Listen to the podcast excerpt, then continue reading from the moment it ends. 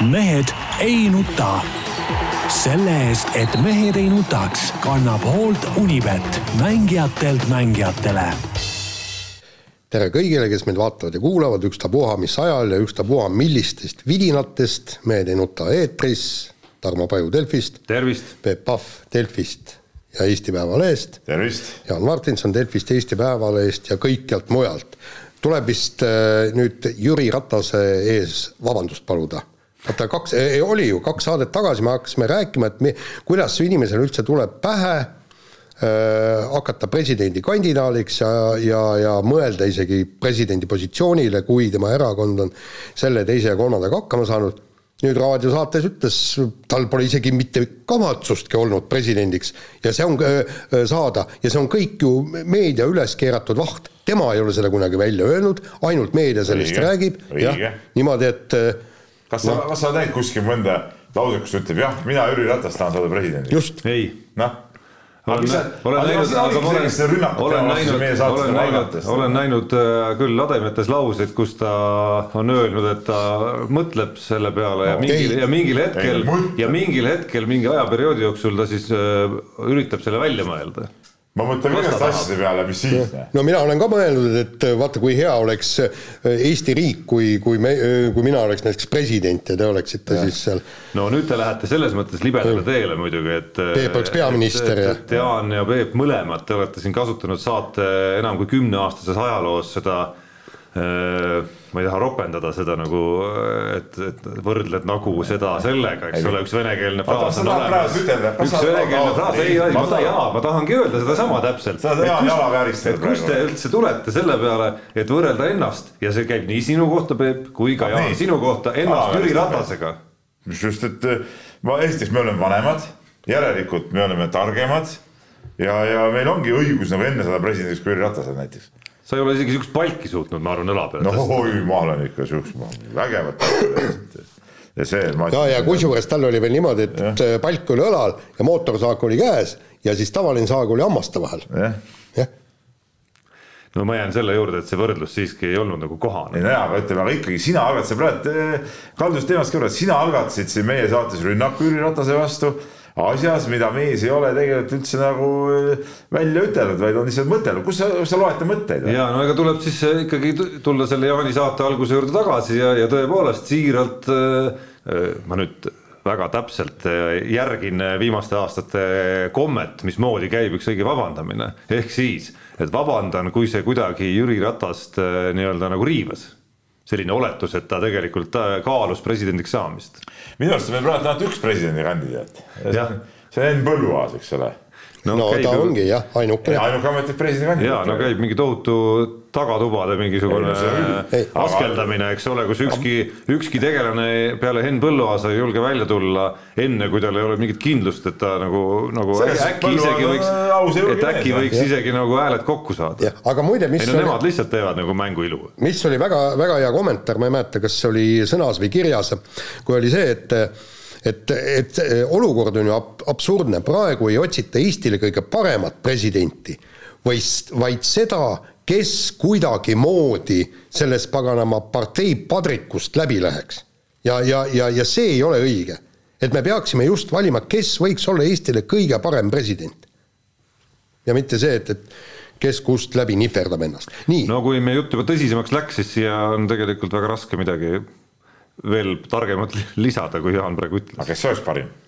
no õnneks ei ole meie ülesanne seda, seda no, otsida. mina, mina näiteks, mina näiteks väga, mulle väga meeldiks Tarmo Soomere. tõesti väärikas inimene, kelle eh, arvestades presidendi roll nagu päriselt on ju suhteliselt väike näiteks eh, reaalne mõju, eks ole. küll on see mõju eelkõige sellel, mida ta mõtleb ja mida ta ütleb, on ju, et eh, nii targa mehe mõtteid ma kuulaksin hea meelega iga aasta kahekümne neljandal veebruaril augustis ja võib-olla veel mingitel äh, puhkudel, kus on põhjust midagi öelda. ja, ja noh, ma ütlen, et, et tema artikleid ma loen jätkuvalt ja järjepidevalt, et igal pool, kus need ilmuvad ja aeg-ajalt ta tuleb ka telekasse, no need on ikka niivõrd väärikad intervjuud, et lase aga olla, nii, aga lähme nüüd spordi juurde, Peep, Sardiiniast äh, tulid äh, no suhteliselt ja, no, tühja, tühjade pihkudega. enne kui me spordi juurde läheme ah, muidugi mis... nagu loralainel, meil jäi muidugi ikka menetlemata kogu see Itaalia tripp Peebul ka, et jõudsime siin saate eel natukene ikkagi äh, natukene ikkagi uurida ja, ja väga kiiresti läks kulinaarsete õrgutuste teed kogu see jutt siin praegu, et ma saan aru küll, Peep, et sa nagu pitsast kaugemale ei jõudnud Ja ikkagi, ikkagi jõudsin. nende naudingutega, mida Itaalia-sugune koht suudab pakkuda inimesele. mereandideni. lasin krevetipitsat Ah? tellisid, krevetipitsat, ma saan aru. ei, ma sõin ka sõin ka lõhet, lõhe, lõhe mulle väga maitses, ma söön ka Eestis olles lõhet paar korda nädalas vähemalt. lasin ka seal valmistada äh, restorani äh, lõhe, väike oli, aga maitsev. jaa, aga ne- Väike seal on palju paremaid, palju paremaid asju, sardiine, noh, iga, igasuguseid muid. Peebu peaks ikka saatma mingisugusele reisile, sellisele reisile, kus ta nagu õpiks natukene. Portugalis, siis ma sõin äh, ükspäev seal äh, tuunikala äh, fileed mis oli, mis oli pär- päris hea tegelikult. isegi sinu jaoks või? sest tuunikala teadupärast ikkagi originaalis tehakse suhteliselt toorena. ja ma olen, ma olen ka Eestis, mul üks, üks sõber on siin, ükskord käisime külas, siis ta tegi tuunikala, seal ma ütlesin esimest korda elus saingi mina, siiamaani tuunikala on olnud konserv, tead noh. ma ei teadnudki, et päris kala ka olemas on. noh, selles ma tean, et kala et niisama ka süüakse. no väga hinnatud. aga teatud kohtades on väga mõistliku hinnaga need tu-, tuuniküla, tuunikala küll sügavkülmutatud, aga ikkagi fileetükid. ja noh, me sööme ikka ka niimoodi kord, kord kaks kui kuus. päris aus olla, siis ega seal nagu väga, väga suuri valikuid tegelikult ei olnud, et ütleme, need söögikohad, kus ma käisin seal, ütleme, et restoran, mis oli minu hotelli lähedal seal, ega seal menüüs ütleme, oli, oli see pitsade osa ja siis oligi siuksed noh, seal oli kalaasju natuke ja, ja aga näiteks sardiine ma nagu ei, ei mäleta, et seal oleks olnud pak- pakkumises, kuigi koht iseenesest oli väga mõnus, otse rannas kõik tipp-topp noh. et, et ähm, tore.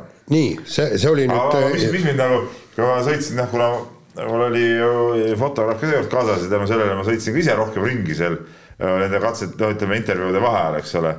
siis äh, mis mind muidugi hämmastas, oli see, et äh, muidu Itaalias jooksis palju veini, eks ole, aga Sardiinias jooksis väga palju õlut, neil on oma see õlle ka seal.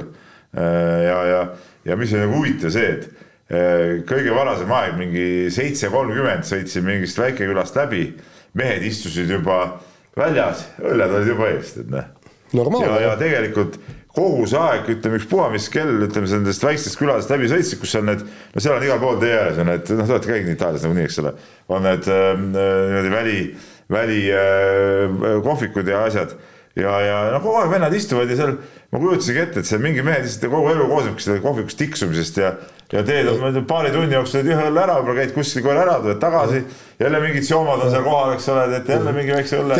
tead, ega nad väga väikest õlut, ma lugesin, see raamat on Toskaana aastaring, kus kirjeldatakse siis Toskaana, kuidas seal põllumajandus käib. ja seal on niimoodi, et, et siis kui saagi koristamise ajal tule, tu- tulevad nii-öelda sulased tulevad kõik appi sinna ja kujutad ette, iga vend võtab endale sinna põlluveerde kaasa kaheliitrise veinilähkri ja käib sealt rümpamas. ja see kaks liitrit veini on siis lisaks lõunasöögi ja, ja õhtusöögi veinile. et, et ausalt öeldes see, et, et kui palju seal nüüd seda veini juuakse, ei, aga kusjuures, kusjuures see oli huvitav, aga seal ma nägin seda õlle joomist nagu rohkem kui veini joomist. nojah, õlu on ka. kuigi, kuigi mis siin salata, pühapäeva õhtu tegime ka, võtsime siis restoranis pudeli veini. Päris hea oli tead. ja no ma, alati jõuab see arutelu mingil hetkel ka selleni, et eh, kui kuulad selliseid traditsioonilisi soovitusi, kuidas tervislikult toituda, on ju, ja kuidas kolesterooli alandada ja mida kõike veel, on ju, mis kellaaegadel näiteks üldse peaks raskemaid sööke sööma ja nii edasi, siis tekib niisugune tunne, et, et itaallased noh, ja veel mitmed rahvused sealkandis, nad peaks nagu tegelikult surnud olema kõik. Et nad on nagu elavad tõestused tegelikult sellest, et veel tähtsam on eh, lihtsalt elu nautida. Elu nautida, seda nad oskavad, kogu see aeglus ja, ja see nagu aega on ja kõik sihuke venitamine ja, ja kummi venitamine, see muidugi ajab, ütleme minusugust inimest läheb täitsa hulluks nagu tead noh. aga, aga midagi pole teha, itaallaste eluiga on maailmas öö, öö, kolmandal kohal, esimene on Jaapan, teine on Korea ja kolmas on siis, kolmas on siis No öö, õnnelikku Itaalia. elu kõikidele meie kuulajatele, et nüüd läks väga zen värgiks, no me võime koolitusi ka tegema hakata, ma arvan, kui aga ma kunagi meedia sisu täis saab. värk on läinud väga popiks. No küll meil oleks rääkida siin eest ja tagant igast asju noh. nii, kui Peep on veel nagu äh, mingis mõttes ka nagu coach, noh nagu ühes teises mõttes korvpallitreenerina, siis see ei ole, siis see ei oleks ka üldse mingisugune nagu äh, õhust võetud äh, tiitel. jah, täpselt noh. nii, aga nüüd Aga me nüüd rääkisime jõudsime ralli enda ja juurde. no me ei rääkisime ei no me rääkisime Oi, rääkida on Ita palju. Itaalia meeldivama osa ära, eks, et söögid-joogid ja päike ja kõik muu niisugune asi, aga aga põhimõtteliselt tühjalt pihud on, olid nii Ott Tänakul, teistel Eesti, Eesti meestel äh, Itaaliast äh, naastes, et, et no see, see on ikka kohutav kar-, kohutavalt karm äh, värk, et kui ma vaatan seal teleekraanil, kuidas äh, Ott jälle seal äh, kuskil istub ja nukutseb ja vaatab oma autot ja, ja jätke, jätke nüüd Teoriine Vill täna või eile intervjuus ütles, et oh, vaadake, kui suur kivi, et no selge see, et see lõhub auto ära. no andke andeks, kui, kui niisugune kivi, mis ei ole tegelikult mingisugune paelahmakas, pöörab ikka selle ratta, ratta seal all ikka risti, no, no see ei ole õige. ei no nagu Ožee sõitis oma Toyotaga sealt ka üle midagi. No just, täpselt, noh. kuigi ta ta oli seal mingit autot kergitanud natuke seal mm. oma osavate nippidega ja nii edasi. aga ei, no tervikuna muidugi, et no seda Ott ütles ka, ütleme seal võistlusjärgses intervjuus, et et või noh, möönis seda, ma küsingi, et, et kas ütleme selle äh, auto kiiruse äh, arvelt on ta lõivu maksnud siis selle vastupidise peale, ta ütleski, et kui auto läheb kiireks, siis ta lähebki õrnaks, eks ole. hakkab vatti rohkem saama et, et, et, et no nii ongi ja, ja praegu seda balanssi ei ole Hyundai suutnud nagu leida, et kuigi selles suhtes Ott oli optimistlikum, et ta mitmes, mitmes kohas ütles seda, ütles ka meie intervjuus, et et, et kiiret autot vastupidavamaks on lihtsam teha kui vastupidavat autot kiiremaks, et noh, ütleme, see kiirus nagu leitud, aga nüüd on tõesti tarvis mingid sõlmed tugevdada, aga samas seal väga palju ütleme, seal homologeeringud, asjad tulevad mängu, eks ole, et väga palju võimalusi eks ka ei ole, aga noh, midagi nad seal teha saavad, ma sain ikkagi aru. no jama on lihtsalt selles, et hooaeg noh, on umbes poole peal, on ju, aga ega neid rallisid nüüd nii palju ka enam jäänud ei ole. Ja ega selle ralli autoga ka enam suurt midagi ei tee, on ju, et kui sa saad hooaja lõpus selle asja paika, on ju, siis eh, noh, tegelikult käib ju taustal uue auto arendamine juba. ja, ja no selge. et see, et see nagu, et see, et, et nad võivad leida küll mingil hetkel ilmselt selle korraliku sümbioosi ja ilmselt leiavadki, aga, aga see kõik tundub olevat liiga hilja ja, ja sellest on vähe kasu. ja vähemalt paar väga rasket rallit on tulemas, nüüd see Keenia kohe, Kreeka kindlasti No absoluutselt. sügisel, need on väga rasked rallid, kus ütleme, auto lagunemise tõenäosus on, on väga suur ja ütleme, ütleme, kui nendelt rallidelt ka midagi nagu ei tule, no okei okay,, sa võid seal Rally Estonial Soomes, ma ei tea, seal mõnel asfaldirallil eh, tõmmata nii, kuidas eh, torust tuleb, eks ole, aga kui sa ütleme, need rallid lähevad ka nagu nässu, siis, siis on ikka päris raske juba, sest et, sest olgem ausad, Ožee see edu, edu nüüd Tänakuga võrreldes on ikka väga suur ja ütleme, Ožee on niisugune vend, kes oskab ka neid eh, edu hoida ja, ja ta ei lähe nagu igas olukorras eh, nui neljaks eh, paugutama, vaid see läheb täpselt nii nagu vaja, noh, tegelikult ta sõitis ka siin nüüd ju niimoodi ja lõpuks, lõpuks ikka võitis. no minu arust ei tasu siin vaadata ainult Sebastian Ogier-d, et Ott Tänakust on päris pika puuga ees praegu ikkagi kolm meest, eriti kaks, ehk siis Ogier ja Evans. ja minu arust ka Evans on aina rohkem hakanud näitama seda, et ta ei punni nagu üle, kui ta näeb, et, et ei ole võimalik võib-olla nagu ma ei tea, püüda seda või teist meest, vaid siis ta läheb ja võtab oma teise või kolmanda koha punktid ära lihtsalt. jaa, aga sellest ei piisa Ožee vastu nagu praegu punktiseisu vaadata. Ožee vastu ei piisa, aga Oti vaates. Ei, no Oti on küll, nagu, on, tal ei ole vaja nagu ühe mehe kahte põrumist, et ütleme, Sebastian Ožeega sa saad tasa enam-vähem siis, kui sul tuleb kaks õnnestumist ja tema kaks korda katkestab sisuliselt, on ju. aga sul on vaja tegelikult neid katkestamisi veel, Evansilt ka kahte ja Neuvillilt veel ühte ja seda, et endal ei juhtu samal ajal midagi. ja, ja, ja ütlemegi niimoodi, ja et, et on see aasta ühe korra ju tegelikult eh, katkestanud ju. just ja, ja ääretult Ja- totralt, see oli see Arktika ralli. Ja rallil ja, ja, ja noh, tõenäosus, et ta nüüd veel kaks korda katkestab, on üldjuhul tema seda karjääri vaadates ikka väga väike. ja, ja seda, seda on nüüd ka patt loota, et, et äh, Ott Tänak nüüd võidab need, ütleme need äh, järgmised äh, rallid ja Ožee pääseb poodiumilegi. jah, ja ütleme niimoodi, et, et sealt sa võtad ju, kui sina oled esimene, tema on kolmas, sa võtad ainult kümme punkti tagasi, on ju, eks. aga vahe on üle viiekümne punkti, noh ja, ja põhimõtteliselt, põhimõtteliselt äh, Oti enda kätes ei, ei ole sisuliselt midagi, tema asi on ainult võimalikult palju pu- punkte koguda ja loota, et teistel lähevad asjad nihu. aga seda ta ütles ka, et ega ta nüüd äh, mingeid suuri plaane nagu ei teegi, et ta võtabki nagu ralli kaupa ja läheb igat rallit paneme täiega, et, et eks siis on nagu näha, mis ja kuidas, noh, see on, see on väga õige, õige suhtumine tegelikult, noh noh, see suhtumine peaks olema isegi ilma selle tabeliseisuta, et kiiruskatse kiiruskatse haaval ja ralli ralli haaval, et kõik vennad, kes ükskõik mis alal hakkavad mõtlema sul, ma ei tea, korvpallis mängu ajal mingisugusele tiitli võitmisele näiteks, noh, üldiselt on kõige kindlam viis, kuidas, kuidas omadega metsa minna. ja ei, seda kindlasti jah, no ja teistel Eesti meestel ei läinud ka ju. No mis ta no- vaata ma ütlen siia vahele korra, et ma kuulasin, ma nüüd ei mäleta, millist nendest ralli stuudiotest ja, ja millist seda analüüsi, kus siis äh, ma arvan, et see oligi reed-, ei, see oli laupäeval pärast äh, Oti endaga juhtunut vist. ühesõnaga, seal kõlas, kõlas ühel hetkel lause, et no nii, et nüüd on eestlastega siis nagu kolme eestlase peale oleme jõudnud nagu viie katkestamiseni, et ega rohkem ikka ei saa, rohkem ei ole vist võimalik isegi. Ja noh, see oli võimalik küll. ja veel nii julmalt, tead, ega see Linnamäe avarii oli ikkagi päris, päris tõsine ja see haiglas käik ja kõik, et, et äh, no äh, seal, eks seal äh, nii-öelda ralli kuluaarides oli ka palju juttu sellest äh, Linnamäe asjast, ütleme ka seal, et, et äh, ta võttis äh, noh, õige kaardilugeja sinna tulla, eks ole, ta võttis asenduse, võttis, võttis äh, Kasesalu, kes nagu ütleme, on viimasel ajal suht vähe sõitnud, kellega nad käisid küll talvel selles, mitte selles MM Arctic Rallyl, vaid sellel eelneval Arctic Rallyl.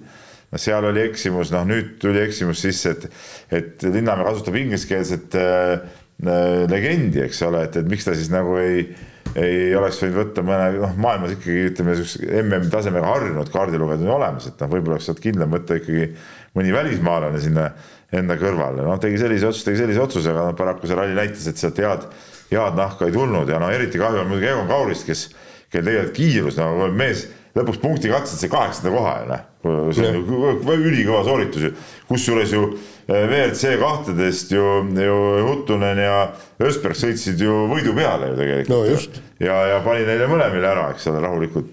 et see oli nüüd tema puhul nagu ainuke sihuke positiivne äh, hetk, eks ole, et noh, see, kuidas tal seal esimene päev kohe auto läks, teisel päeval, et, et noh, see oleks võinud või noh, me ei tea, mis seal edasi saab, eks ole, tema sellest karjäärist või, või hooajast.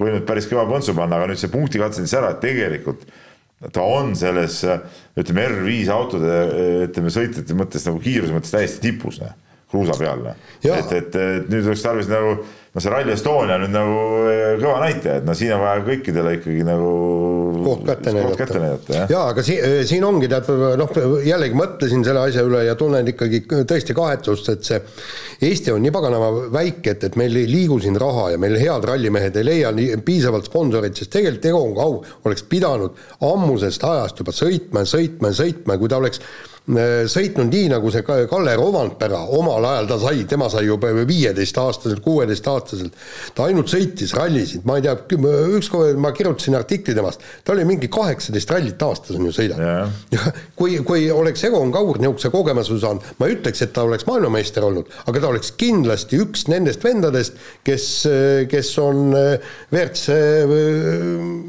Mängus sees, ja mängus sees ja vaateväljas. kindlasti ta on sõidumees, aga probleem ongi selles, et ta saab nii pagana vähe sõita. noh, kindlasti leiaks muidugi veel mehi, kes saavad samamoodi mõelda oma karjääri Ei, muidugi, et, et see ongi väga juhuste ja Ei, valikute va- ja vaata- sihuke piiratud, piiratud võimalustega ala ikka. aga Egon on oma kiirust nagu tõestanud ikkagi nende nende sõitudega ka ju noh. vaata, vaata, seal on see, et, et prantslane tuleb, eks, kui, kui ta on Prantsusmaa parim, siis sealt maalt ta saab autospordiliidu toetuse pealt edasi toet-, minna. toetuse pealt edasi kõik minna ja kõik, tema saab oma võimalused kätte. kas sa arvad, et Saksamaal, kui tuleks mingisugune vend, kes oleks tõesti, tõesti tasemel, et talle ei loodaks tingimusi, kindlasti loodaks, aga seal ongi probleem, et, et neil ei ole, vaata itaallased saavad oma tingimused ja, ja kõik, et et, et, et vot see ongi see pagana Eesti see tegelikult oleks ju Arctic Rally oma klassis ära võitnud, kui seal poleks, seal oli ju lihtsalt kaardilugeja väike eksimus oli seal aja selle arvestusega, sai ju need trahvisekundid ja, ja, ja tegelikult eh, ta ju kaotas võitjale vähem, kui need trahvisekundid juurde tulid. no just, jah. nii on. Nonii, vahetame teemat, läheme mitte kaugele, ehk siis jääme põrinate juurde ja, ja läheme tegelikult, ma ütleks isegi nädalavahetuse kõige ägedama sündmuse juurde, ehk siis äh, Jüri Vips sai vormel kahes kätte kaks etapivõitu järjest, sealhulgas siis äh, see nii-öelda lühike sõit, sprindisõit ja siis ka päris sõit sinna veel otsa, et, et noh Jaan, ma ei tea nüüd, kas öelda nii-öelda spetsialist või, No või nagu päris ei. spetsialist, ei aga aga..., kindlasti me ei ole päris spetsialist. aga no esimene tunne, kui, kui ma, ma veel samal ajal kahjuks ei saanud seda sõitu vaadata, aga sõitsin Saaremaalt tagasi, olin autoroolis, aga kui kuulsin, et ohoh, sihuke uudis, et kas, kas see oli nüüd tõsiseim samm vormel ühe suunas, mida Jüri Vips on tükil ajal teinud? ütleme niimoodi, et, et ma vaatasin ju loomulikult need mõlemad sõidud ära ja, ja, ja ainult selle sprindisõidu, sprindisõidul võis natukene norida seal ühe kordustardi puhul, aga muidu tegele-, tegutses ju Jüri Vips täiesti perfektselt, pluss siis, siis see põhisõit, kui ta teiselt kohalt startis, tõmbas ennast esimeseks ja, ja, ja mis, mis seal oligi äge, oli see, et, et ta sellesama hooga tõmbas kohe vahe üle ühe sekundi, mis tähendab, et jälitajad ei saanud tagatiiva lahti teha, kõik ja edasi rahulikult hoidis seda vahet, hoidis, säästis rehve, kogu aeg oli umbes kolme sekundi peal vahe ja, ja lõpp, lõpp ju näitas, näitas, kuidas sellesse võitu suhtuti, kui seesama Helmut Marko, kes vastutab nende sõitjate eest, tuli Vipsi, Vipsil kätt surema ja, ja ütles, et it was easy. et noh, et see, see oli lihtne, see võit. Vipsil ei jäänud muud üle tunnistada, jah, see oli lihtne no see start oli juba selline nagu stiilipuhas, ütleme, piisavalt nahaalne, aga mitte liiga nahaalne.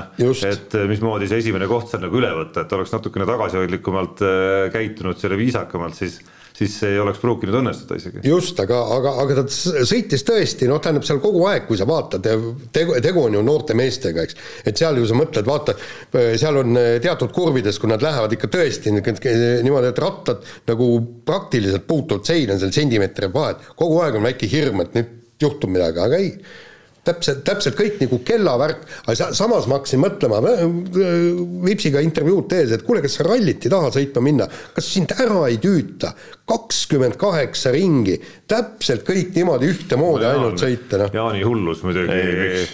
ei no selles mõttes, et äh, kui palju Jüri Vipsil nüüd selliseid äh, võimalusi elus tuleb niimoodi sõita, stardist ei. minema ja uhkes üksinduses igavuses seal ees. ei, aga isegi siis, kui sa oled seal kuskil ka keskel. palju need rallimehed siis seal mööda sõidavad üksteist? ei, ei seal, kui sa oled ka, kui sa, kui sa sõidad ka keskelt, siis ometi paratamatult no, tuleb. see ikka ühtemoodi. täpselt, noh. kui sa muidugi ralli põnevuse siin mängu tood, siis ma muidugi meenutan sulle kahe viimase MM-ralli viimast võistluspäeva, tahaks, äh, seda me ei sellest me ei rääkinud teist rallit järjest, aga no see oli ikka raju, noh. aga mina seda Vipsi, ma seda sprindisõitu näinud, ma nägin seda äh, põhisõitu, eks ole mm. -hmm mis oli muidugi hästi tehtav, mis mind nagu seda WRC, WRC kahes, äh, F2-s häiris, on see, et no mina ei tea, no seal äh, enamus mehed, kes sai mingi ajakaristuse, kogu aeg uuriti mingeid asju. et see, see ka nagu see segab nagu seda võistlust minu arust. ja ei segab ja. No vormel ühes nagu nii palju sihukest asja küll ei ole. just ja tegelikult noh, ma ütlen, et, et seal äh, kuidagi neid noh, seal oligi, vaata seal põhisõidus oli, Vipsil oli jube rahulik olla, sellepärast et äh, kas oli põhisõidus või sprindisõidus, ma ei mäleta kummas, et see, kes tema taga oli, temal ja. oli viis sekundit karistust, eks ja, ja põhimõtteliselt noh, tähendab, ühesõnaga ma ise mõtlesin ka, et, et ta ei lase ohtlikul momendil tekkida. et, et kui see vend oleks tahtnud hakata mööda sõitma, siis ta oleks palun, mine mööda, aga mul on viis sekundit edumaad, eks noh. Et... no aga tee nüüd selgeks, Jaan, ikkagi, et kus asub Jüri Vips praegu? Jüri Vips. selles mõttes, et kas ta on nüüd nagu ütleme sealsamas Red Bulli hierarhias näiteks on ju, et no, et okei okay,, ütleme, et noh, kõlab väga loogiliselt, et see oli ka Helmut Marko jaoks ju päris oluline kergendus, et Vipsile on teatud määral ikkagi panustatud, on võimalusi antud ja nii edasi ja nii edasi, on ju, et et noh, Marko-suguse mehe jaoks on ju oluline ka, et ma olen kaardi pannud nii-öelda Vipsi-suguse mehe peale kaardi, on ju, kuskilt Eesti kolkast ka veel, eks ole. et, et lõpuks noh, need esimeste etappide tulemused võisid tekitada ju igasuguseid tundeid, et kas ma tõesti panin puusse ja kas seda nagu ei tulegi, seda edu ei, ei, seal, seal ei olnud. aga no see... nüüd tuli ikkagi ja. asi, mis on laual selgelt mm., mida ei võta keegi ära. ja ei no see, seal on, seal on üks oht on, Liam Lamson tema, tema tiimikaaslane, kes on ka tegelikult väga hästi sõitnud, on aasta noorem, eks. et, et nende vahel, aga ma is, isiklikult isegi mõtlen seda, et seal on kaks võimalust, eks. et kas siis Jüri Vips saab Alfa Taurisse või siis saavad isegi mõlemad. ja, ja, ja tegelikult oli väga huvitav. sa räägid järgmisest hooajast? järgmisest hooajast, kes F1 sõitu nägi, ma vaatasin kas see oli rahvusvahelise pealt või, või, või, või oli siis meil Vabamäe seda, seda rääkis, seal oli see, et, et kui Tsunoda hakkas äh, karjuma seal, kui, kui talle midagi tiimist öelda ja siis see röökis lihtsalt bossile vastu, et shut up, tead. ja siis selle peale oli väga hea komment, kas, et kas on nüüd õige koht hakata siin karjuma, kui Jüri Vips on just võitnud kaks, äh, kaks sõitu ära. ja, ja Tsunodaga on probleeme ja, ja noh, kui nähakse, et, et Jüri Vips võib tähendab, kogu jutt ju käib see, et on vaja tuua Max Verstappenile oma tiimist vääriline vend sinna kõrvale. kuigi nüüd Sergio Perez, palun, võitis sõidu ära. noh, karjumine iseenesest näitab juba nii-öelda tasakaalutust, on ju. absoluutselt. et äh, aga, aga noh. et, et, et jah, tundub, et pinged, pinged löövad üle, Kimi Raikkonen üldiselt äh, väga rahulikult neid olukordi haldab seal väheste sõnadega alati. no väheste sõnadega, ütleme see. aga seda mõjusamalt. seda mõjusamalt jah, et, et mm. võib seal mingi Tsunoda võib seal karjuda, aga, aga, aga Raikkonen ütleb ühe sõnaga selle ära, mis, mis vaja on. ja aga, aga. sai ka punni kätte. no absoluutselt. aga sa. alati mina jälgin, kuidas Raikkonenil läheb, see kõige tähtsam, kui ma vormel ette vaatan. jah, aga sama, samas muidugi te Jüri Vipsi praegu nüüd vormel üks autosse istutada on kindlasti vara, siin on veel sõita ja sõita ja ja, ja loodame, et me, mees hoiab pea külma. nii. nii, aga Eesti jalgpallikoondis käis siis Soomes mängimas, ma ei tea, Tarmo siin vehib rusikaga millegipärast. no sellest tuleb Soomele üks-null tuule alla. ja nüüd ma äh, loen siit naeruväärse lause, mida siin, ma ei tea, teemade kokkupanin kirjutanud tegi üks-null tuule alla ja kas peaks nüüd põhjanaabrite asemel EM-ile minema no,? nagu saad. ma tunne, tunnetan siin Jaan Martinsoni käekirja nagu. ei no aga ei, miks mitte. Jaan on muidugi ära unustanud, et me võitsime ka Leedut eelmisel nädalal, nii et. ei no aga Leedu ei ole ikka nagu topeltnädal. Leedu mingi maailma saja viiekümnes või mis sa vaatasid? no nüüd siis on äkitselt nagu Leedu ei sobi, on ju. enne mängu rääkisid, kui kõva oli Vilnius Žalgiris omal ajal liidu meistrivõistlustel ja nii edasi. järgi, et need praegu on viletsad, nii nõustume ja ei, aga no mis see, see Soome mäng, noh, ütleme niimoodi, et. hea see mäng on läinud. no ütleme niimoodi, et, et soomlastel ei, ei tekkinud eriti nagu seda võimaluse, noh, suurt võimalust ikkagi ei olnud. see oligi väga äge tegelikult, sest Soome, sest Soome okei okay,, seal mingeid mehi hoiti natukene ja nii edasi, on ju, aga lõppkokkuvõttes äh, on meeskond alustamas siiski äh, finaalturniiri, ehk siis peab olema ilmselgelt vormis, on ju, et me oleme siin oma pallimängude ajaloos näinud hetki küll, kus kutsutakse Eestit vastaseks selleks, et saaks nagu enne enne finaalturniiri algust või ettevalmistustsükli alguses nagu natuke sellist nagu head positiivset tunnet sisse, et need soomlaste kommentaarid, ma käisin Soome lehtedes pärast vaatamas ka seal veel, need olid ikka päris, päris mõrud, sealt tuli ikka igasugust sulelisi ja karvalisi sealt nende mängumeeste suust välja. jaa, aga, aga sellepärast ongi küsimus, et ausalt öeldes, kui, kui Soome kavatseb EM-il ka niisugust mängu mängida, siis ausalt öeldes on piinlik parem saatke Eesti vähemalt, no võib-olla. aga kuule Jaan, ära hakka ajama. mis asja? mis Eesti. jah. aga see, see mäng ei maksa Soomele mitte midagi, noh. ei no jaa. ta meile ka otseselt ei maksnud midagi, aga noh, rõõm on lihtsalt, et teatud sellist. karikat ju. ei no Soome mängu, mäng ju ei ole Balti turniiri osa, eks. ja, jah et selles osas tuleb Läti keeles otsustada. ja, ja, ja, ja, ja, aga, aga noh, see siin pole midagi. me võime nüüd võtta need kaks ilusat võitu ära, eks aga nüüd on meil Lätiga äh, minna ja, ja viigi korral võtab äh, Läti selle karika endale, nii et me peame nüüd ka Lätit võitma. Ja, ja, ja palun, see on tähtis. No,. sellepärast, et äh, noh, nad tahavad saada karikat. Ja nüüd on võimalus olemas, palun, teil on kaks võitu all, näidake, kas te olete suutelised ka kolmanda võidu saama. noh, kõige tähtsam, Jaan, lõpuks on ikkagi ju see nagu kuidas ma ütlen, areng ja lõpuks need valiktsüklid, mis, mille mängud on ju kõige tähtsamad, on ju, et olukorras, kus häid emotsioone viimastel aastatel jalgpallikoondis äh, sellist, mis kuidagimoodi meeskonna ühtsust, enesekindlust, kõiki neid asju nagu kasvataks, neid on ikkagi nagu väga vähe olnud. et äh, minu arust isegi kui sealt seda Balti karikat ei tule, siis siis nagu mingi samm selles suunas kindlasti on ei, nagu okay, toimumas. ära hakka nüüd hõiskama ka. ei, ei asi pole hõiskamises. paari mängu pealt öelda, rääkida mingisugusest sammust, et mille arvelt see samm siis tulnud on. et, et, et ega see siis koondises pole mingit imetööd nüüd vahepeal tehtud ju tegelikult. no koondises pole mingit imetööd tehtud, aga aga minu arust õhkub sealt natukene sellist nagu uue alguse või uue hingamise mingisugust nagu sihukest kindlust küll, ma ei ütle, et siin nagu igal hetkel ei või tulla jälle mingi krahh sisse ja neid tulebki kindlasti sisse. Aga see, seda eduelamust on siia vahele nagu hädasti vaja ikkagi. No jaa, edu muidugi ründajatel on, ma vaatan aga..., tekkinud seal noh, meil on nagu Sappinen, Anier juba tandem, kes, kellest sa näed, et, et seal on nagu enesekindlus tegelikult meestes no. sees.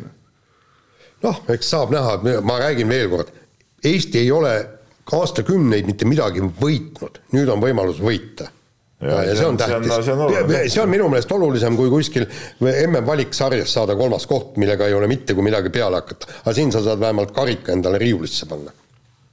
nii, järgmine teema ja äh, Kanada alistas jäähoki MM-i finaalis äh, Soome lisaajal kolm-kaks ja suurepärane turniir oli. ja suurepärane turniir, turniir, kuigi ütleme niimoodi, liiga kõrge tasel, tasemelist hoki. põnev oli. see ongi minu arust hoki MM-i muster juba aastaid tegelikult, et, et nad suudavad selle turniiri, ükskõik mis mehed kokku tulevad erinevatesse koondistesse, suudavad selle asja lahendada lihtsalt nagu nii haaravalt, et, et väga põnev on vaadata kogu jaa. lugu jaa, aga, aga, aga samas noh, tähendab, ütleme niimoodi, et see oli selles mõttes kummaline turniir, et ma ei, ma ei oska öelda seal nende taga, tagapool olevate meeskondadega, mingite Norrade ja Taanide äh, äh, nii-öelda enesetunnet, aga kõik see esi, esimese otsa kamp on ju, mitte keegi ei olnud ju selle turniiriga tegelikult rahul. Läti oli pettunud, Saksa oli pettunud, Venemaa oli pettunud, USA, kuigi sai pronksi, oli Rootsist ka pettunud. Rootsist rääkimata, no, Tšehhist oli rääkimata ja, ja Soome Juhid oli pettunud finaalis ja ikkagi kaotad, on ju. kuule, aga, aga see on ikkagi see näiteks see noh, jällegi hämmastav, kuidas need ameeriklased ei suuda mitte midagi teha. Neil oli ju tegelikult päris korralik Nendel oli, mina, mina arvasingi, et Ameerika, ma ei tea, kas me siin saates ütlesime või, või kuskil ma rääkisin, et, et, et et USA võiks olla nagu ikka seekord nagu suur soosik, et nendel oli, oli nagu pea, päris hea võistkond. viimased kümme MM-i, nagu ma sealt üle vaatasin, nad on olnud play-off'is ja mitte kordagi nad ei ole pääsenud finaali, isegi finaali. Ja, ja, ja, ja kusjuures noh, nüüd ka Kanada tegi tuule alla. Ja venelased, seal oli ka venelased ju, ma lugesin ka neid artikleid igast Sovetski spordist ja, ja sport.ruust ja ikka materdati seda okikoondist ette-taha, seal olid pikad-pikad analüüsid ja nad ei suuda aru saada, milles peitub Venemaa fenomen, et nad pole kümme aastat, kümme aastat võitnud eh, ametlikes mängudes eh, Kanadat ja, ja kusjuures eh, neli korda on play-off'is eh, tappa saadud. no see on küll kummaline no seal on mingi psühholoogiline plokk on nagu ees, tead noh. mm,. absoluutselt jah, ja, ja, ja aga noh, vaatame, see, soomlased muide äh, kuulutasid ennast juba öö, Pekingi olümpial üheks suuremaks medalisoosikuks, kuna niivõrd hästi mängiti ja kui nüüd tulevad NHL-i mehed ka veel juurde, et siis nad äh, Soome mängis hästi, ja mängis hästi, jah, jah. et, et, et venelased ütlesid ka, et need okei okay,, et siin läks nii, aga me võidame siis Pekingi ära. Ja no kõigepealt peab selgeks saama, kes Pekingis mängivad, nii, nii väga tahaks ikkagi, et see, et kuna see hokiturniir on talviolümpia kõige tähtsam asi, et seal ikkagi mängiks tõesti need parimad mehed ka, tead noh, et. no seda oleks vaja jah. seda oleks hädasti tarvis, et, et kui mingid suurepärased turniirid olid nüüd kuni see, kuni selle eelmise olümpiani välja, need kõik need eelmised hokiturn-, no hoki oligi nagu sisuliselt kogu talviolümpia nagu noh, et, et. Jaa, aga noh, tähendab, see- samamoodi edasi vaadata seda. jaa, aga see ka ei ole õige, vaata eelme-, eelmisel turniiril oli ka ju kesised satsid ja, ja kuule, kui Saksa mängib finaalis, noh, see ei ole õige asi. tegelikult peaks olema niimoodi, kui oleks. Jah, just, aga seal peaks ikkagi olema niimoodi, noh, nagu sa ütled, ainult suured peavad mängima, kui äh, Saksa jõuab poolfinaali, siis korraldajad ütlevad, vabandage väga, aga see oli niisugune väike ei- riik. no tõesti, geniaalne jutt on muidugi tõesti. et me anname sulle, me, me anname sulle hõbemedalit, saate, aga finaalis mängib, mängivad kiruta USA-d, et miks nad finaali ei jõua, on ju. No, ei ole ka piisavalt suur siis järelikult. Tõsi, siin väikese No, fakti olümpia- kontrollina olümpial- viimasel, viimasest viiest olümpial, olümpiast kahel on nad olnud finaalis. muidugi, jah, aga noh, Soomest muidugi tegelikult, tegelikult võttis muidugi kirguma omajagu, et jube lollisti suutsid nad selle MM-tiitli nagu maha mängida mõnes mõttes, et esiteks see kaks-kaks väravale eelnenud äh, kaheminutiline karistus See oli jah. oli tegelikult nagu totter, et kas see, kas, kui ma õigesti mäletan, see oli tegelikult seesama vend, keda soome keeli siis taklati seal enne niimoodi, et läks vähe teravaks see lasi, et kas ta lasi ise natukene nagu emotsioonid liiga kõvaks seal ja muutus hooletuks selles olukorras. Ja noh, muidugi see kanadalaste võiduvärav, noh, täpselt samamoodi nii totakast veast seal sellest liitri kaotusest. no jaa, peale tahti visata, sa ikka lükkad ju tagasi sinna omale mehele, eks ole. ja sest kolmekesi mängides äh, seal ei pruugi nagu olla kedagi. kolm-kolm lisaaega on ikka täiega jama. Kakskümmend minutit. Jah. jah, ei, aga ta See on täielik jama., ei, aga ta on jama, aga ta ei, jaa, siin ei ei- ole mitte ühtegi õigustust, see on ei, täielik jama. noh. ja äh, soomlased arutasid ka seda ja nad ütlesid, no mis on alternatiiv, mängida viis-viis ja mängidagi kuus tundi järjest, on ju, eks. No finaal on finaal, noh. jah, aga muidugi ütleme niimoodi, et kolm-kolm mängida on kindlasti parem kui karistusvisetega ei, maailmameistri seda küll jah, see karistusjätte värk on eriti, eriti raju. aga, aga, aga muidugi see, kuigi oota, see, mingi üks, mingi, mis karistusjätte seeria see oli, kus viimane värav pandi ilgelt ägedalt kas see oli poolfinaalis või, või veerandfinaalis? no praegu ma ei mäleta, see oli jube ägedalt oli see viimane karistusjäte tehtud hästi külmavereliselt niimoodi. Aga muidu jah, karistusjätte see värk aga on, nagu aga, aga muidugi, muidugi see, see finaali öö, otsustav värav, see oli See ka ju super täielik värav. briljant. ja, ja, ja sa hakkasid vaatama, et seal vasakult äärelt mees, tal oli ju endal võimalus peale visata, ei, täpselt see paganama liter teise No venna no mina jäin seal mõtlema kordusi vaadates selle ühe kaitsja nagu nahas olemisele siis, kes seal oli siis selle kahe ründaja vahel, eks ole. ülesanne oli võtta siis nii-öelda seda esialgu litriga meest ja jätta siis nii-öelda teine mees siis nii-öelda nagu väravavahi hooleks, eks ole.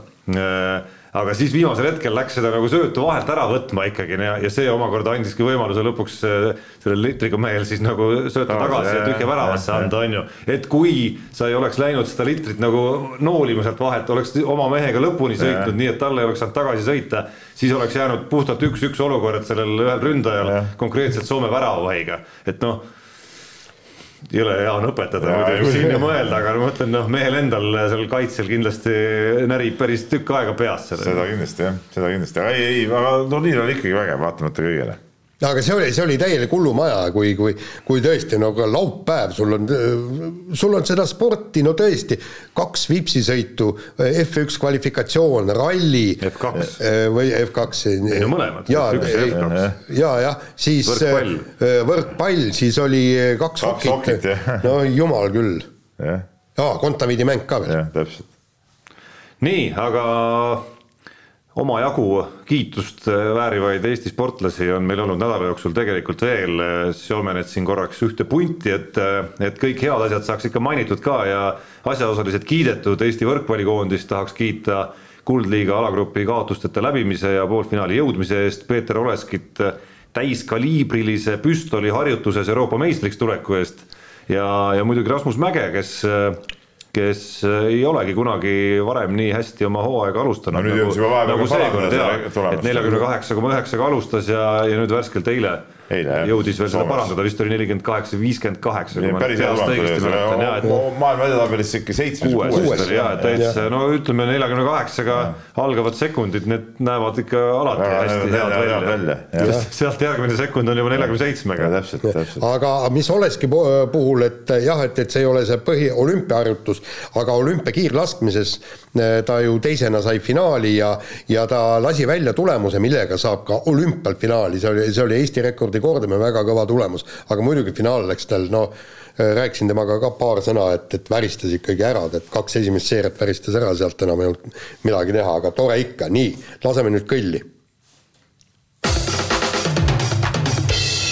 nii äh,, lähme nüüd kiire vahemängu juurde ja alustuseks äh, Magnus Kirdist kes ei saa jalatrauma tõttu hooaega alustada ja, ja ütleme niimoodi, et, et seis ei ole rõõmustav ja ja, ja seis on hapu, ütleme. ja seis on hapu ja tegelikult on, on hapu see üldse meie äh, praegune kergejõustik, ma vaatasin, Soomes olid ju nii kõvad see Paavo Nurmi mängud, eks, ja ma kammisin läbi kõik selle osalejate nimekirja siin paar päeva enne enne võistluste algust ja ongi, ainult Rasmus Mäge oli, kuigi seal on ka naiste vasarheited, meeste kuulitõuked, seal olid öö, öö, kõik võistlusi ja midagi, odavisked, eks nii meestel kui naistel kõik, mitte midagi. meie omad ei ole no, aga meil ei ole praegu kedagi saata sinna, noh. no meil ei ole ja meil ei ole ka ju hooaega, kes ei ole alustanud ja kes ei ole noh, midagi no siin olid ju samal ajal ju olid ka need Eesti karikavõistlused Pärnus ja ja seal nagu sinna paistnud tulemus, et Martin Kupper sai napilt kuuskümmend meetrit täis, eks. jah, no mis teed selle tulemusega? selle tulemusega mitte midagi teha suures plaanis, et, et, et nii see on paraku jah,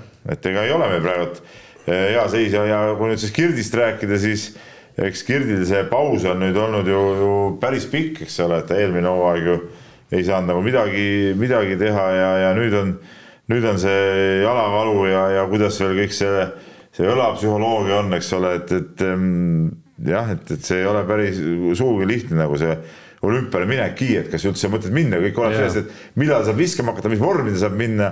ja selge see, et Kirt ei ole niisugune mees, kes mingi seitsmekümne seitsme meetrise vormiga üldse olümpiale hakkaks ronima, see on, see on. absoluutselt jah, et, et tegelikult aega jääb üha vähemaks, aga samas aega on ikka väga vähe jäänud. on, aga, aga, aga seal on ka, ka, ka ikkagi see, et, et isegi ükstapuha, kas või, kas või kaks nädalat enne olümpiamäng, mängude algust, kui ta teeb esimese võistluse ja laksab seal kaheksakümmend viis, kaheksakümmend kuus ära. siis on nagu teine lugu. ja siis ongi, tegelikult ongi, me tahame seda ühte tulemust, ühte võistlust on vaja kõigepealt näha. lihtsalt, lihtsalt see kisub nagu utoopiliseks natukene, et, et no niigi koroona andis võimaluse võtta hästi rahulikult, võtta hästi targalt, võtta hästi kindla peale ja nüüd, nüüd, nüüd nad on saanud oma tiimiga kindla peale võtta, on ju, mitte kiirustada täishooga viskamisega ja, ja nii edasi ja nii edasi ja nüüd, kui noh, aeg on tegelikult juba nagu ammu käes, ei, ei saa ta ikka veel seda teha, et, et need on nagu murettekitavad eh, detailid mitte ainult olümpia vaatevinklis, vaid üleüldse. kui me räägime üldse karjäärist. Just. ja.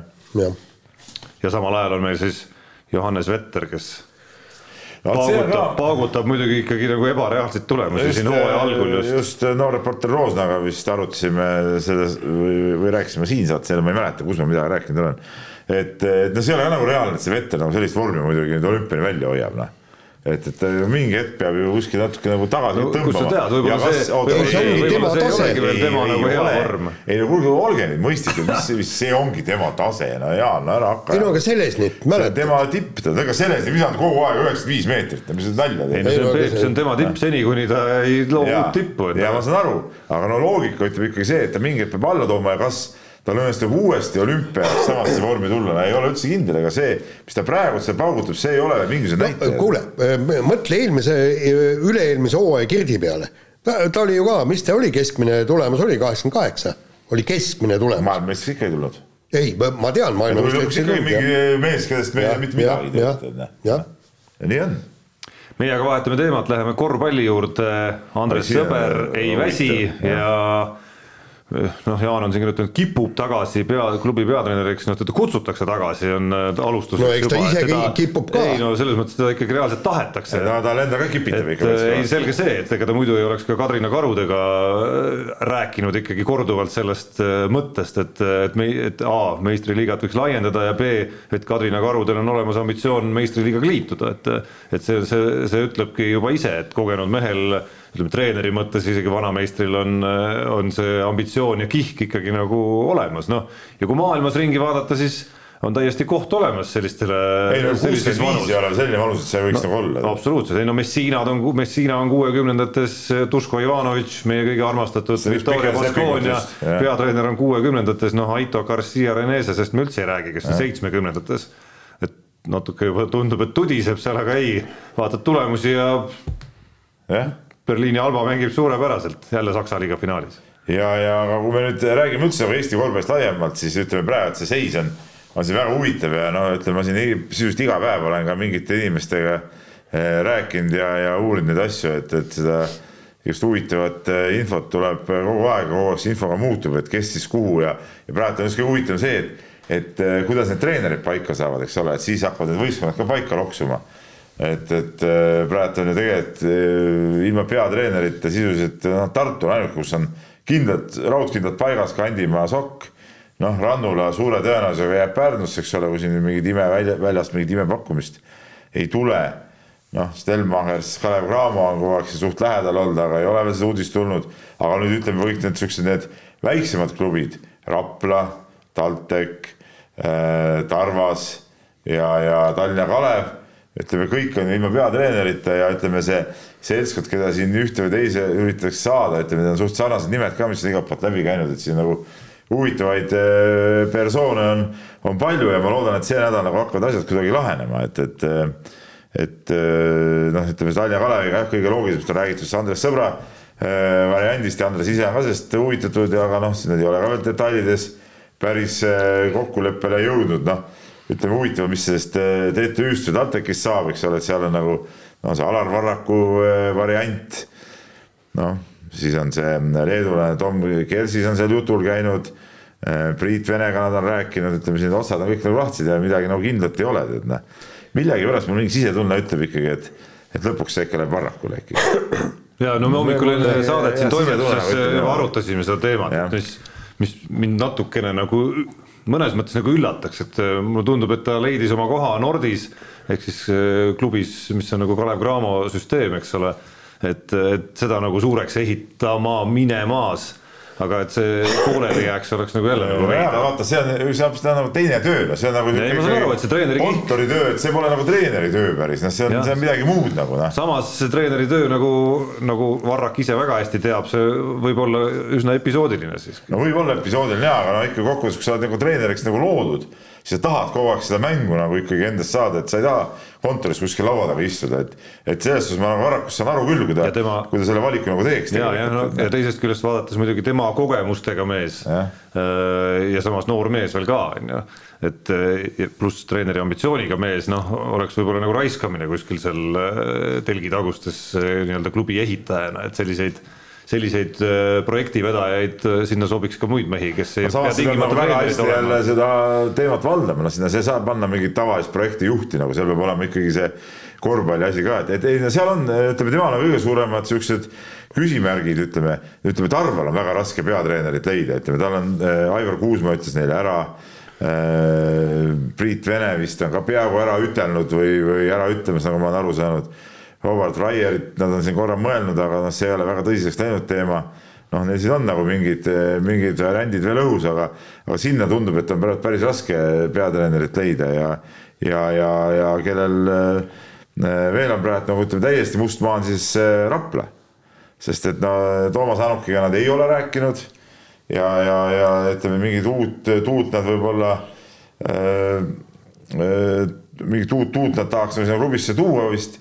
Et, et see on nagu huvitav vaadata, mida, mida nad siis leiavad ja mida see Jaak Arp seal seal, seal aretab, tead näe. ja nüüd seesama selle tegelikult, kui nad nüüd võtavad uue treeneri, siis äh, Annuk on vaba, noh, miks ka mitte, siis ütleme, Annukit võiks samad need jälle see Tarvas endale proovida või noh, ütleme siin nagu neid, neid variante on, on treenereid ja on, on neid kohti, et, et see on huvitav kas Jaan, kas Jaan, kas Jaan sind ei pane nagu, kas sul ei tekkinud ühte küsimust? jaa, ei, mul tekkis, oota, Peep, üks küsimus, täiesti tõsine küsimus. milline on võimalus, et Peep Pahv saab mõne no, Eesti ei, meistri, meistriliiga peatreeneriks, kas sel, järgmisel või ülejärgmisel aastal? Peep Pahvil on järgmiseks hooajaks on ikkagi projekt Keilaga sekkuda esiliiga kõige kõrgemasse mängu.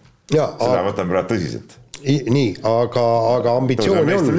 aga ma küsin no, ikkagi, ei no sõnastan ümber Jaani küsimuse, sinna ma sihtisin loomulikult Jaanile seda äh, palli visates, et äh, kui ikkagi tuleb näiteks suvaline näide, ära jää kinni näitesse, Rakvere Tarvas ja teeb selle pakkumise.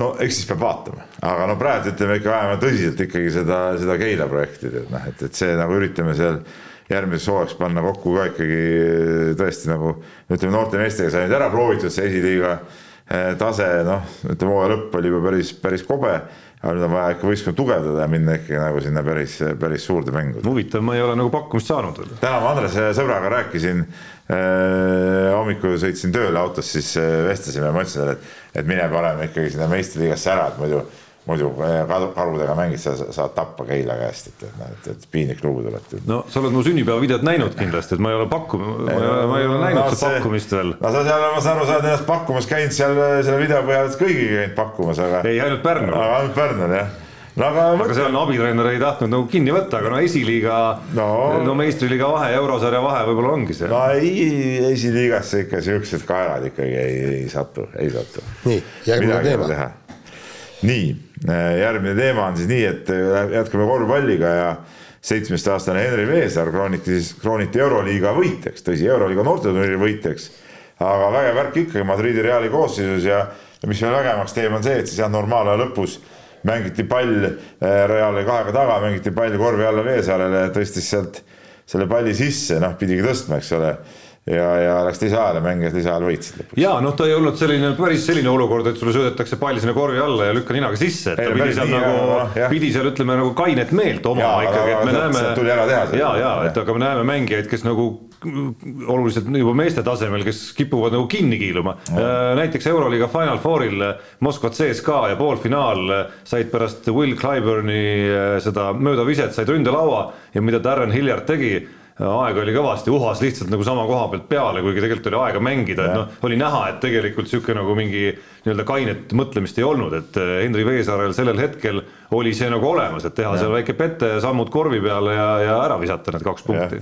et see oli nagu äge ja äge ei olnud mitte ainult see, et ta selle ühe korvi viskas, et äh, äge oli see, et äh, üheski selle hooaja, sellesama sarja nii-öelda nagu turniiril ei olnud Veesaar nagu nii kõvas rollis tegelikult selles satsis nagu olnud, on ju. et ma ei ole nii hästi süvenenud, et kas noh, võimalik, et seal on, seal on, ei no seesama, kasvõi seesama Reali põhisatsis olev Tristan Vukševitš saaks vanuse kohaselt äh, vabalt mängida näiteks selles satsis, et oleks ta kohal olnud, siis ilmselgelt oleks see Henri Veesaare mänguaega mõjutanud nagu väga hästi, on ju.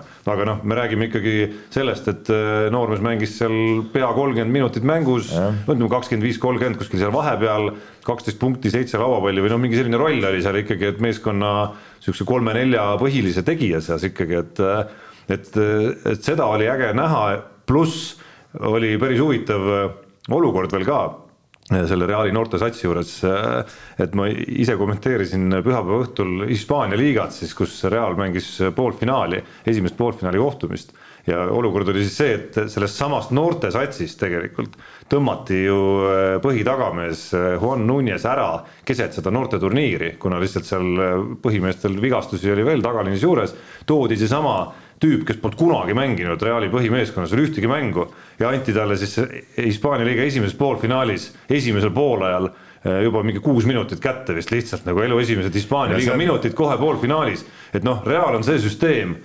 pärast ma lugesin ühest Hispaania spordilehest kokku, et Pablo Lasso ajastul, mis on umbes ümmarguselt kümme aastat, on siis nagu sealt oma noortetiimist eh, saanud vähemalt korraks põhisatsi mingis mängus väljakul vist kuusteist tüüpi enamikest neist me ei tea muidugi midagi, et need on jäänud episoodilisteks, on ju, aga see on see süsteem, kust, kui sa oled tubli, siis sa, siis sa saad oma võimaluse. jaa, see, vot see on üks asi, mida ma olen nagu palju, palju varem rääkinud, et kuidas ütleme, mingid teatud treenerid ka välismaal julgevad neid noori niimoodi panna no midagi ei juhtu, no sa mängi, olgu isegi see poolfinaal, midagi ei juhtu, sa annad talle minutid seal esimesel poolel kätte, võib-olla sul pärast läheb teda vaja, sa ei tea, pärast on teda raske panna, kui ta pole saanud üldse platsil käia. aga Eestis ei juleta siukseid asju teha, ei juleta isegi põhiturniiri mängus panna neid, neid noori niimoodi ükshaaval sisse, et see on nagu see Rapla oli hea näide minu arust no,, kus no, nagu häda käes oli siis. on väga palju nagu äh, võimalik tuua, eks ole.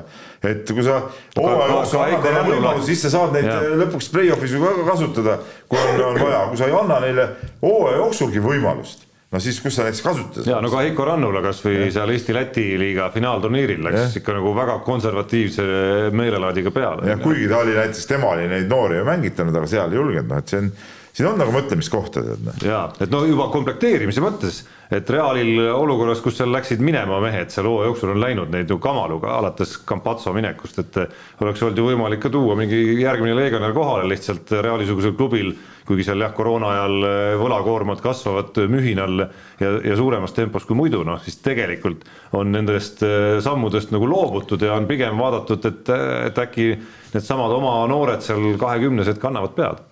ei muidugi nii, võtame järgmise teema ja Jaanika Lõiv, meie kolme, kolmekümne-aastane rattur jõudis viie aastaga nullist maastikurattasõidus olümpiale.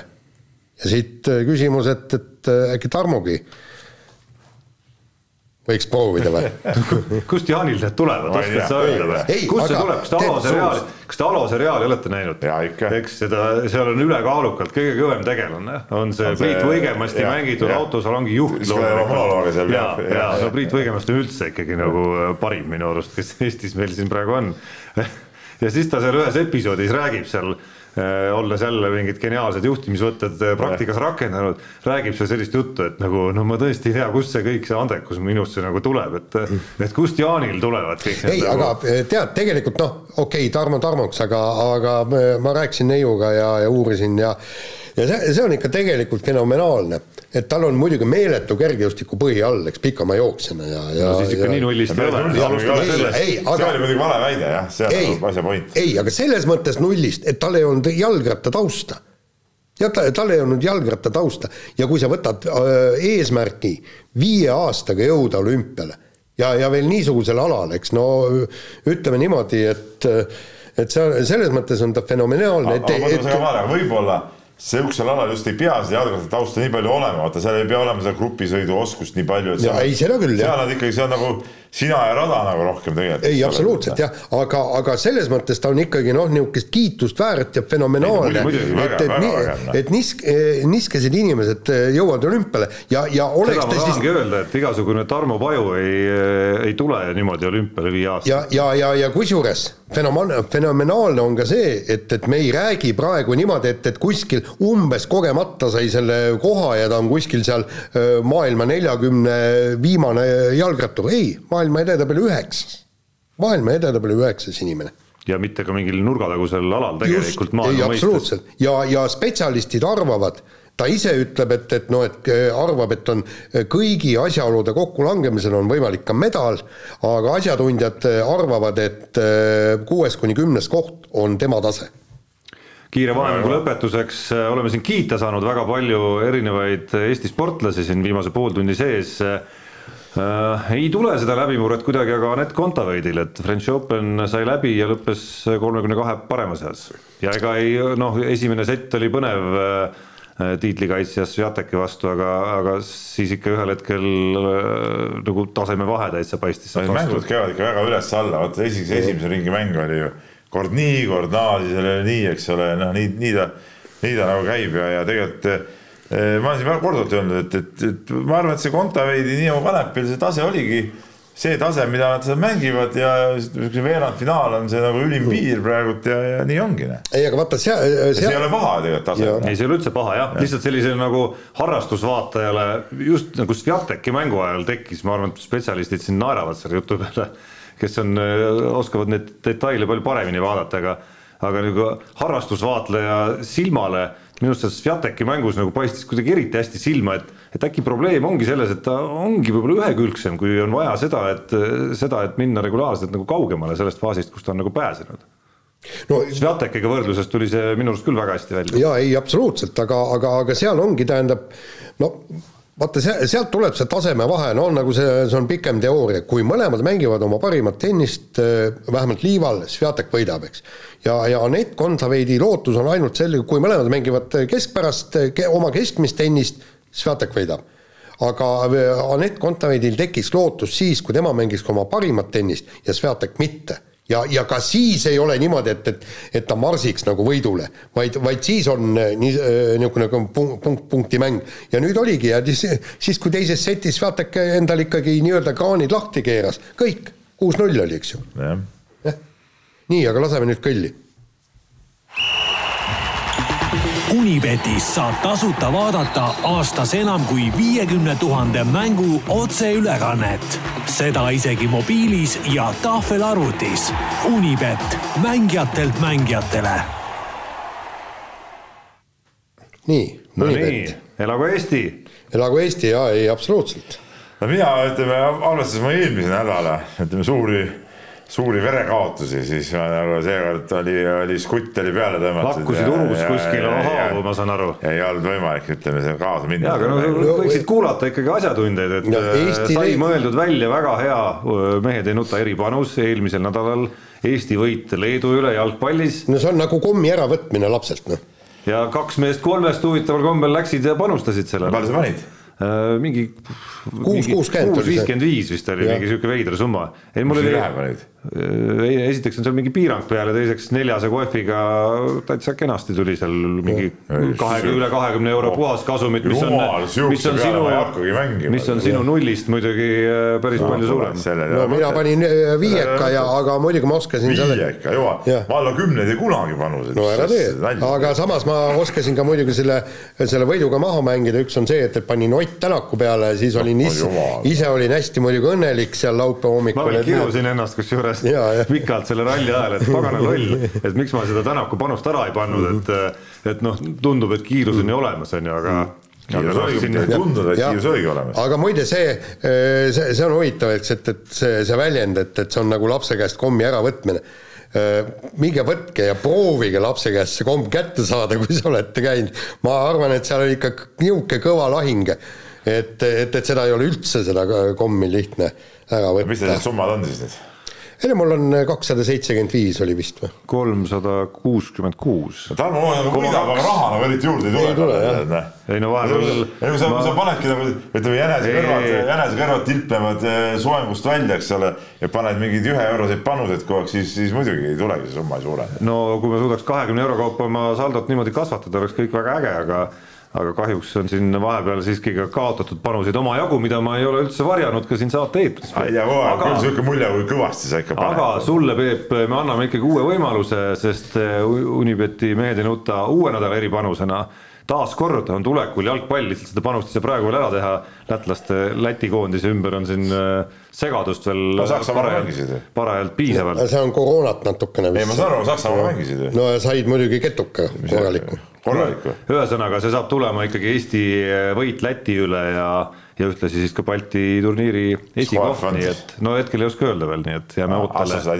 jääme põnevusega ootama. seda ma ei pane, ma arvan, ma mõtlen midagi muud endale välja seda nii. jääme ka huviga ootama muidugi. jah, lähme kirjade juurde või no,? kirju on, üks kiri tuli saate ajal ka, ma võtan selle kohe ette, et Marek kirjutas, et ähm, et Peebu suust kõlanud kommentaar Vetteri üheksakümne viie meetrise osakaalu kohta, see pole mingi näitaja.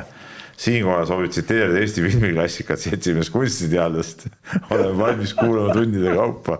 noh, aga muidugi, aga mis näitaja see on siis? mis näitaja see on? ennegi on olnud, võtame kasvõi kettaheitjas No me siin tegime- oota, oota, oota nüüd, oota nüüd, kui Kanter võitis oma neid igast medaleid ja suuri tulemusi, küll siis panid mingid vennad hooaja alguses tõmbasid ketastega see seitsekümmend ja tuli võistlus pötsti viiskümmend üheksa. noh. ja- ja- ja- ja- see, kui sa viskad praegu mitu kuud enne olümpiad üheksakümmend viis, ma ei, see on näitaja selles suhtes, et jah, see on kõva aga kas, kas see kõvasus on ka kahe kuu pärast selline, kuidas sa, Marek, oled siis kindel, et ta kahe kuu pärast sama kõva? ja, ja Peep, teine asi, see ei ole tõesti näitaja, mis on üheksakümmend viis, see ei ole ei maailmarekord, ei Euroopa rekord, lihtsalt tavaline tulemus. seda asja saab ka niipidi ja, vaadata. ja siis kiidunurgas võtsime ette kiita Rasmus Mägi neljakümne kaheksa koma üheksaga alustatud hooaega. siin on nüüd teine asi. Millal Vetter alustas oma paugutamist, aga Mägi praegu alustas hooaega vähem kui kaks kuud enne olümpiat. jooksis hea tulemuse, parema, pärast tuleb veel parem, veel parem ja siis olümpia. aga äkki Vetter paugutas paugutamised ära, nüüd võtab rahulikult No ja nüüd räägin. tuleb uus vormitõus no seda ma räägingi, et ta peab vormi nüüd alla tooma. mis sa arvad, et ta on uus, peast põrunud, et äh, ei mõtle, et ta peab tippvormis olema olümpia ajal? aga uus tõus, et kas see enam niimoodi õnnestub, seda ei tea kunagi, sellepärast ma ütlen veel kord ka,, kaks-kolm kuud enne olümpiat visatud tulemused ei maksa olümpial mitte midagi. ja Marek, kuula, kuula Nii. mind, mis ma sulle räägin seltsimees, seltsimees kunsti, kunstiteadlane, äkki sa lähed järgmise kirja juurde. Peep, sa ei uue nime meile praegu siin minu arust, see jääb sulle külge, usu mind, ma hoolitsen selle eest. ei no mis, no mis, see on väga, väga väärikas, väga väärikas äh, nimi. Nii, seltsimees teadlane, miks ka mitte. nii, tervitus, küsimus. miks spordiajakirjandus kajastas nädalavahetusel peauudisena jutumärkides mustades toonides rallit? selle asemel oli meil elusõiduteenud Vips, võrkpallikoondis, jalgpallikoondis, Euroopa meister Olesk ja paljud, palju teisi positiivseid uudiseid. paraku oli Delfis kolm-neli esimest rida ainult ralli uudiseid. Vipsi väikese uudise leidsin päris kaugelt, see muidugi ei vasta tõele, Vips oli tegelikult äh, ikkagi, ikkagi jumala ees. Nii, ma eelistasin lugeda positiivseid uudiseid pärast järjekordset tänavute katkestamist. eelistasin mitte enam rallilugusid lugeda, seda tegid ka paljud tuttavad. kirjutab meile Mart ja ma ütlen, et Mart, et äh, tore on, aga paraku sa oled ikkagi ilmselges vähemuses Äh, lugude loetavus näitas ilmselgelt, et ralli vastu oli jätkuv huvi. nii nagu ka pärast ralli lõppu äh, Ott Tänaku intervjuu oli üliloetav, see video oli muidugi vaadatav ja kõik ja nii edasi, Vips oli ka muidugi kõva, aga, aga Vipsi need asjad ei saanud nagu päris, päris rinnale, rääkimata sellest, et no kogu austuses Peeter Oleski vastu, siis no Peeter Olesk võib ükspuha mida teha, aga ta ei küündi mitte kunagi Ott Tänaku ralli rallisõitude loetavuse lähedalegi, nii et, et noh, paraku nii lihtsalt Ja- on ja- ja, ja paraku ja mitte- pakutakse inimestele seda, mis inimestele lihtsalt meeldib, tead noh. ja ütleme niimoodi, et, et ega tegelikult Ott Tänaku tasemeni eriti ve- tõesti Ei viimasel oli keegi, kes võib, ainukene, kes võib hakata võitlema, on Jüri Vips, kui ta pääseb vormel ühte. no ma isegi ütleks ka, et see pääsemine tegelikult äh, kindlasti sellest ei piisa. Ei kindlasti muidugi. ei piisa, et, et ta peab olema seal suures mängus sees ikkagi, see on ainus variant. No ma arvan, et see esimene, kui see juhtub ühel hetkel, et see esimene hurraa sellest faktist, et ta nüüd on seal ja pääses sinna, et see läheb ikkagi nagu ma arvan, mõne sõiduga üle. Ja ei, kui saama oot. viieteistkümnendaid, kuueteistkümnendaid kohti, siis ei ja huvita ei, ei siis küll, aga siis ta lendab sealt ka kohe minema, sellepärast et tal on järgmine võitlus. ma, ma ei usu, et ta saab Red Bulli, siis on järgmine võitlus tegelikult ja vot hakkadki see kuues, seitsmes, viies, neljas, kaheksas koht, vot selle peal, et kas ta saab öö, sinna nii-öelda Red Bulli ja vot siis alles algab suur mäng. selge see, et öö, Vips ei sekku kohe suurde mängu. ja no see, mis siin salata, kui nüüd unistada, noh, oleks, ma arvan, no ütleme, Ott Tänaku fenomen, mis puudutab seda, seda, mida me meedias näeme nüüd juba aastaid, on miski, ma arvan, me oleme kõik siin olnud aastaid, aastakümneid juba, juba ju meediaga seotud, on tegelikult midagi täiesti pretsedenditut, mis puudutab seda huvi, et ma usun, et kui Jüri Vips vähegi sinna liigub, kui mida Jaan siin nagu ette manas, siis, siis ma arvan, Vips lööb selle veel üle. Aga no see nüüd on äh, väga kaugel ajas see ette on, see on väga kaugel ette ruttamine, aga me korraks Vipsi juurde veel jäämegi kirjade eh, lainel ja, ja kirjutab meile eh, Margus ja kirjutab nii, et vaatasin nädalavahetuse F2 ja küsimus selline, kas Jüri Vipsi anne oli peamine, mis aitas autot seadistada selliseks, et tuli pea perfektne nädalavahetus? Ja kas see on see, mida näeb temas Helmut Marko? no ma Just ilma, ilma, just, pool, aga, aga ilma andeta ei olegi võimalik äh,, ei olegi võimalik autot heaks saada ja see ei ole niisugune, et, et sa võtad enda nagu mingisugune manuaali ja, ja selle järgi, see on, kõik on tagumikutunnetus, täpselt sama on ju Ott Tänakul ka ju. ja muidugi on. ja, ja see, see on ikkagi pu-, puhas ta, tagumikutunnetus, et kuidas saada auto endale mugavaks seal ju tiimikaaslane kiitis teda isegi, ma nüüd täpselt ei saanud muidugi aru äh,, pädevust sellel alal piisavalt ei ole, et, et kas see kasu, mida ta nägi seal, oli lihtsalt puhtalt selle pealt, et vipp sõitis enne ja siis see, see data, mis tuli nii-öelda, see andis äh, Lawson oli ta nimi, andis nagu piisavalt andmeid, et kuidas seal rajal nagu ise paremini ringi käia autoga ja kuidas seda paremaks saada, aga või, või oli see tõesti see kiitus, et, et tõesti Vipsi mingid teadmised ja, ja asjad seal ka aitasid kaasa, sellest ma päris hästi aru ei saanud. noh, aga ilmselt ikkagi on ja neid, neid teadmisi tuleb kogemustega, aga ikka see anne ehk siis tagumikutunnetus peab olema. peab olema jah, muidu, muidu on päris raske. nii äh,, Koka poiss kirjutab meile, ta siin korra teeb äh,, mainib ära selle, mis me eelmine saade rääkisime, kuidas üks Eesti noor jalgpallur jäi koondisest välja, kuna ei olnud nõus seal koroonatesti andma, et, et ta siin räägib seda, et noh, et et kui soov on teha vere kaudu, et mitte tikuga ninas, et siis halloo, et milles probleem. aga noh, see selleks, aga tal on tegelikult huvitav küsimus ka. jalgpalli EM on algamas ja küsib, et kas meil on öö, oma lemmik või oskab keegi teist ütelda, kes kindla peale selle ära võidab, Peep näiteks. ei no selles suhtes, ei muidu, muidugi on oma lemmik, noh et no ütleme jalgpallis on ikka, ma ikka, ma, ma ütlen ausalt, ma. ma ütlen sulle, Argentiina no, ei mängi. ei, ma tean, Argentiina ei mängi, kuna on EM, siis ma olen Venemaa poolt, see on Tšuba, see on sihuke mees ainult sellepärast. muidu ma ei oleks, see on sihuke mees nagu Tšuba, kes on minu arust väga äge vend. ma arvan, et see mees, ütleme, on äh, napsu ja naljamees, nagu näkku kirjutatud talle ei ole ta teada või? ma arvan, et see on päris paljudele Venemaa koondislastele näkku kirjutatud. põhjusel ette kirjutatud. aga Juba on nagu minu arust eriline kuju, ta on väga, no kuidas öelda, karismaatiline kuju tegelikult, no on äge vend minu arust, et ja, ja, ja tal oli see mingi ju mingi äge video ka, kus mis ta siin vahepeal lekkis ja mis ta vahepeal korraks koondisest ka välja saatis, aga no see selleks. et, et ütleme, Juba pärast ma olen nagu Venemaa poolt ja ma loodan, et tuleb palju väravaid ja et ta on nagu, ta on nagu äge vend, aga kes aga võidab, ütleme, kui me räägime räägime Euroopa satsidest, no siis ma kindlasti ütleme, tavaliselt alati ma olen olnud äh, suhteliselt palju Itaalia poolt, kes kunagi oli niisugune betoonkaitsemeeskond, aga noh, nüüd, nüüd see päris nii võib-olla enam ei ole. Äh, kindlasti ma loodan, et Inglismaa jõuaks kaugele äh, ja et Saksamaa jõuaks kaugele, et finaalis oleks ikkagi üks nendest nendest päris, päris suurtest no. ja, ja kindlasti Inglismaa. ja ma olen, ma, ma olen eluaeg tean, mul on, mul on see, et, et traditsiooniliselt mind ajab ilgelt närvi see, et, et jalgpalli sünnimaa, kes on tõesti noh, päris hea mäng, eks, eriti hoovis mängida, aga et ja, ja ta ei ole suutnud võita nagu peale ühe ja siis ka veel avaldatakse kahtlus, kas nüüd siis nii-öelda otsustav, otsustav värav oli sees või põrkas latist sisse või välja ta,, ta-ta-ta, kõik nii, et noh, et, et tuleks ikkagi ennast kehtestada, mis kuradi Portugal võidab. ei no see, sihukest asja ma ka muidugi ei taha. no mina traditsiooniliselt olen lapsest saadik Hollandi poolehoidja ja, ja jään ilmselt selle juurde ka, Inglismaa on alati see optsioon kaks olnud, kui tõsi, see optsioon kaks enamasti on välja kukkunud varem kui optsioon üks ajaloos, aga, aga nagu päris tõotatud maale jõudmisega on mõlemal ikka raskusi. Järjekindlalt. tõsi, Inglismaa, Inglismaa nüüd praegu nagu selles mõttes ikka väga intrigeeriv, et me vaatame kihlvekontoreid ja seal on isegi Prantsusmaa järel nagu teine soosik, et ja see sats näeb tõesti nagu äge välja tõesti nagu äge välja.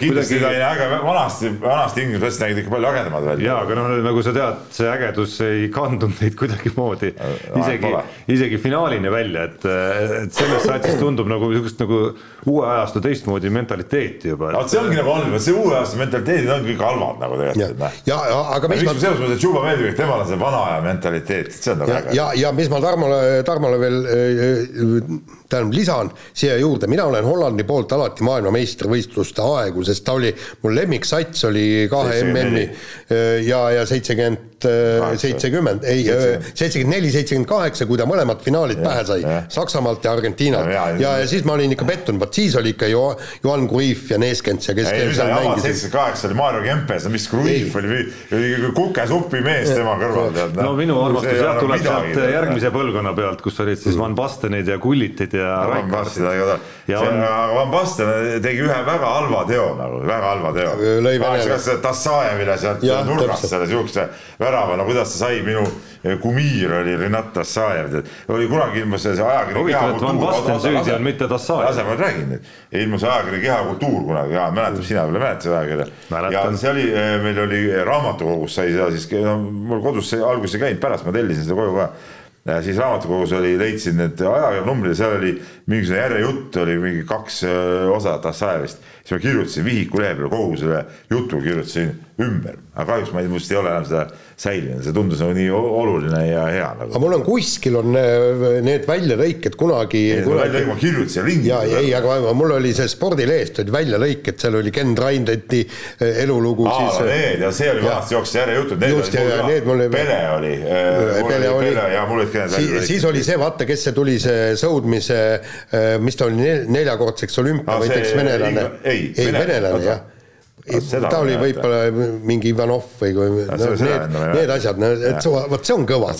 tõsine nostalgia minut läks lahti. aga kui me räägime jalgpallist, siis loomulikult ütleme, me, ma käin oma Kossu vendadega ka praegu jalgat mängimas, noorega nagu läbi praegu ja täna siis no ütleme, on meil nagu sihuke viimane ametlik kokkusaamine, siis ma täna valitsen keskvälja, nii et poisid, kui kuulete, siis teate, et, et jälle ütleme Itaaliast eh, naasnud äss on tagasi, kes võtab selle, ütleme kontrolli seal platsi peal oma kätte. no ma utsitan siit äh, praegu nüüd kõiki Keila korvpallipoisse, et ärge kartke seda Peepusel, et. Ei, et, et mängige ükskord, ei, et mängige mängige ükskord ikkagi see nii-öelda nagu noh, keerake kuskile, no et praegu ma saan aru, kuskil nagu kolmekümne protsendi peal nagu timmite seal oma seda nagu pingutuse astet, et keerake noh, ma ei tea viiekümne peale, rohkem ärge keerake, siis Peebul läheb nagu natuke liiga kurvaks. ei, ega ma ei pea ju jooksmagi, keskel valitsetakse samm siia, samm sinna ja, ja, ja, ja puhas tehnika. ma arvan, et kui poisid viiekümne prossa peale keeravad seal äh, oma nagu siukse motivatsiooni, et siis, siis ei keera sa kuhugi ei, loomulikult ma sätin ennast ka muidugi nagu tugevasse võistkonda. No, tavaliselt on see, et, et va- valitakse kaks tüüpi, kes valivad satsid onju, siis Peep joonistab põhimõtteliselt eelõhtul endale juba nagu soodsa meeskonna valmis. ei mängi vanad ja noored, ma olen nagu vanade pool, noh. vanasti oli noorte pool. nüüd on vanade pool, ise pool. küsimus on alati, kuhu sa selle joone tõmbad, et noh, sa oletame, et sul on nagu, ma ei tea, trennis on viisteist kohta. kui on paaritu arv koos minuga, siis meil on üks mees vähem alati. ma olen nii hea selle pärast, noh. vot nii. aga sellega on hea saadet lõpetada. nii, lõpetame saadet. just. ja kuulake meid järgmine kord. Mehed ei nuta. saate tõi sinuni Unibet, mängijatelt mängijatele